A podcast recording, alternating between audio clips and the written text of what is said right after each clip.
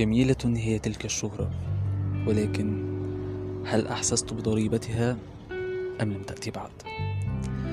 حلقة جديدة وحكاية جديدة من بودكاست حكايات وموضوعنا فيها النهاردة عن صناعة المحتوى وشهرة الترند أو ثقافة الترند بشكل عام يمكن في الفترة الأخيرة الأحداث الأخبار وسائل الإعلام بكل أشكالها وكل ألوانها. مش بس يعني بتكلم بس على مكان واحد في العالم لا أنا بتكلم على العالم كله. بقى عنده الإيمان القاطع بأن صناعة المحتوى هي أهم من المحتوى نفسه. أنا ما يهمنيش قد إيه أنت ممكن يكون عندك محتوى رائع أو محتوى هادف بقدر ما بيكون عندك الإلقاء والعرض ليه أو الطريقة اللي أنت ممكن تتكلم بيها. وخلاف الحواديت اللي ممكن تحكيها زي مثلا البودكاست اللي إحنا مثلا بنتكلم فيه النهارده.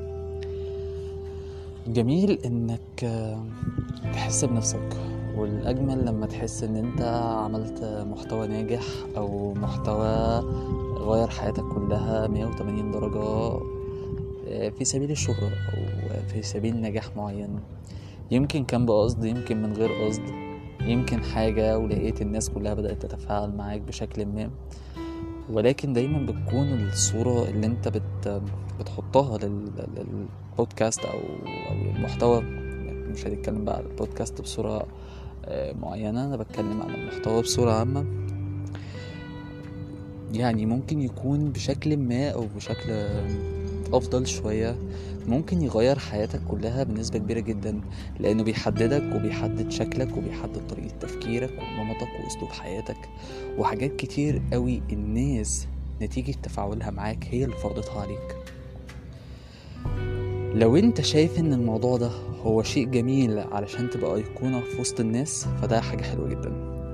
ولكن تأثيره عليك في شكل ما أو في حياتك بصورة عامة ده ممكن يكون أكبر تأثير أو أول ضريبة فعلية أنت بتاخدها من ناحية الشهرة.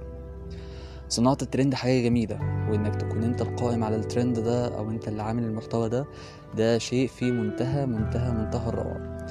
ولكن في نفس الوقت لازم تكون حذر تماما من الحاجة اللي أنت بتعرضها والحاجة اللي أنت بتنشرها لأن اللي بيكون أونلاين بيفضل أونلاين طول العمر.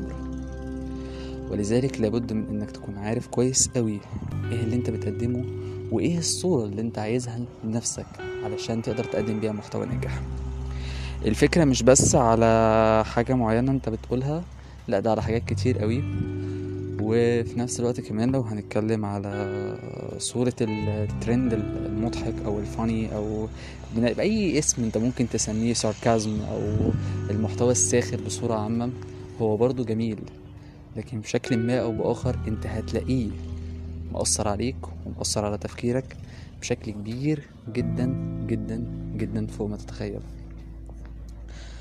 من هنا لابد من إنك تكون عارف كويس قوي إيه اللي أنت بتقوم بيه وإيه اللي أنت هت هتشتغل عليه.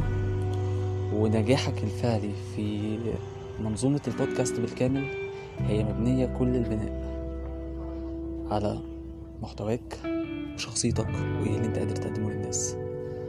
حاول تقدم للناس الصورة الحلوة وحاول كمان إنك تكون ناجح بالشكل اللي الناس محتاجاه مش بالناس اللي, اللي ممكن توقعك في شر أعمالك أو تخليك من صانع محتوى لمحتوى بيتم السخرية منه. بتمنى لك كل التوفيق. فإن كنت أنت من صانع المحتوى أتمنى تكون سمعت الحلقة دي. ولو أنت واحد من المشاهدين أو المستمعين للمحتويات حاول تركز على أفضل المحتوى اللي أنت ممكن تشتغل عليه بعد كده. أنا محمود جمال وأنت بتسمع بودكاست حكايات.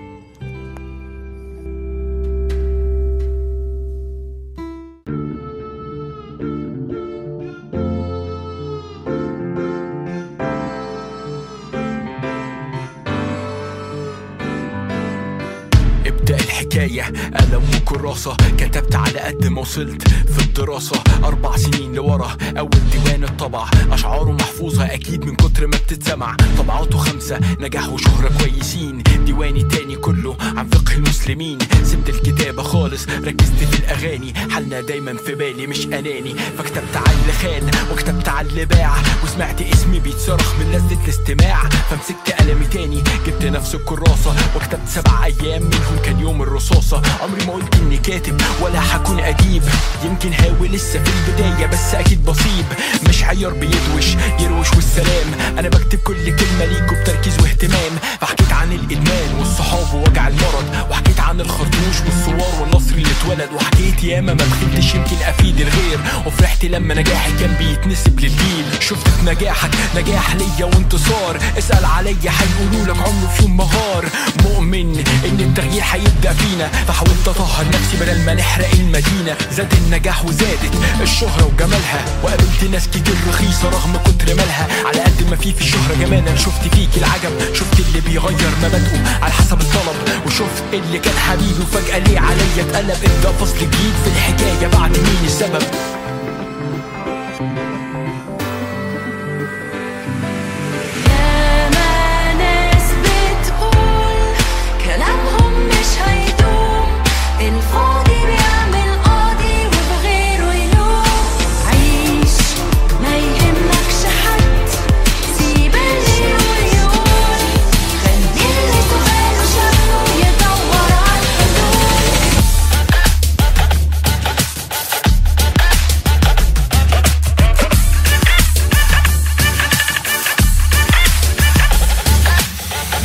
الكتاب الرابع حقق النجاح في معرض الكتاب كان الأول باجتياح. الهجوم شديد. طب ممكن التفسير؟ لو غلطت أنا هتأسف وهبدأ في التغيير. بس مفيش مساحة للتغيير لأنه مش مطلوب. مش مطلوب إنك تتغير. مش هو ده المرغوب. المرغوب إنك تتكسر وتشوف هدفك بيدوب. والحل إنك تستحمل كتر وألم الندوب.